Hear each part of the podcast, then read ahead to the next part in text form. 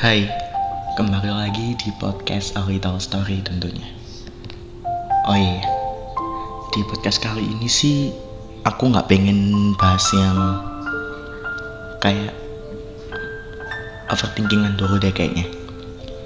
Di sini aku mau bahas SNMPTN. Apa sih SNMPTN? SNMPTN adalah seleksi nasional masuk perguruan tinggi negeri. Contohnya kayak misalnya dari SMA mau lanjut di bangku perkuliahan. Hari ini udah pengumuman tepatnya tanggal 29 Maret 2022 jam 3 sore waktu Indonesia Barat. Para kakak-kakak kelas 12 juga sangat menunggu untuk melihat hasilnya gimana. Oke, okay, next. Tiba di saat waktu pengumuman SNMPTN telah dibuka. Di mana para kelas 12 cemas, pesimis, tapi juga ada yang optimis untuk lolos SNMPTN tentunya. Oke, okay, dibukalah pengumuman SNMPTN-nya. Dari pengumuman SNMPTN itu kita tahu bahwa yang lolos SNMPTN adalah 20% dari pendaftar. Jadi, yang pasti lebih banyak yang merah daripada yang biru.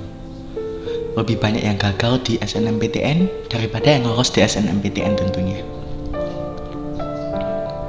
Oh iya, lanjut setelah memasukkan nomor pendaftaran, tanggal lahir, dan seterusnya, tibalah untuk menekan tombol lihat pengumuman. Dan hasilnya biru atau merah. Kalian yang biru pasti sangat seneng banget. Berkabar dengan temannya, orang tuanya bangga, merasa perjuangan tiga tahun ini nggak sia-sia sih. Tapi kalian juga mikir gimana perasaan teman kalian yang dapat merah. Dapat merah pertanda tidak lolos untuk masuk ke SNMPTN. Oh iya, untuk yang dapat biru selamat dan untuk yang dapat merah tetap semangat.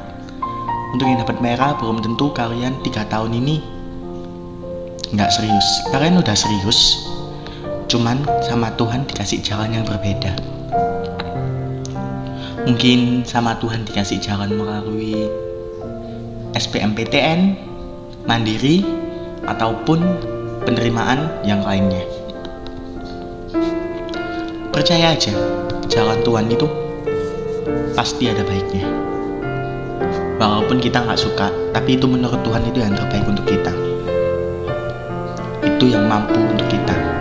Itu yang maksudnya menurut Tuhan itu kita mampu buat ngikutin itu daripada kita mengikuti kemauan sendiri tapi nanti kita nggak mampu untuk menjalani perkuliahan. Untuk yang dapat merah tetap semangat. Itu bukan pertanda kalian gagal selama tiga tahun ini tapi itu pertanda awal kalian buat melangkah lebih baik lagi ke depannya. Untuk yang dapat SNMPTN tetap semangat optimis dan tetap jangan pernah sombong ke teman-teman kalian yang nggak keterima SBMPTN oh maaf yang nggak keterima SNMPTN jadi tetap didukung temennya apa pun yang terjadi. Tetap itu teman kalian. Masa SMA kalian udah berakhir di sini?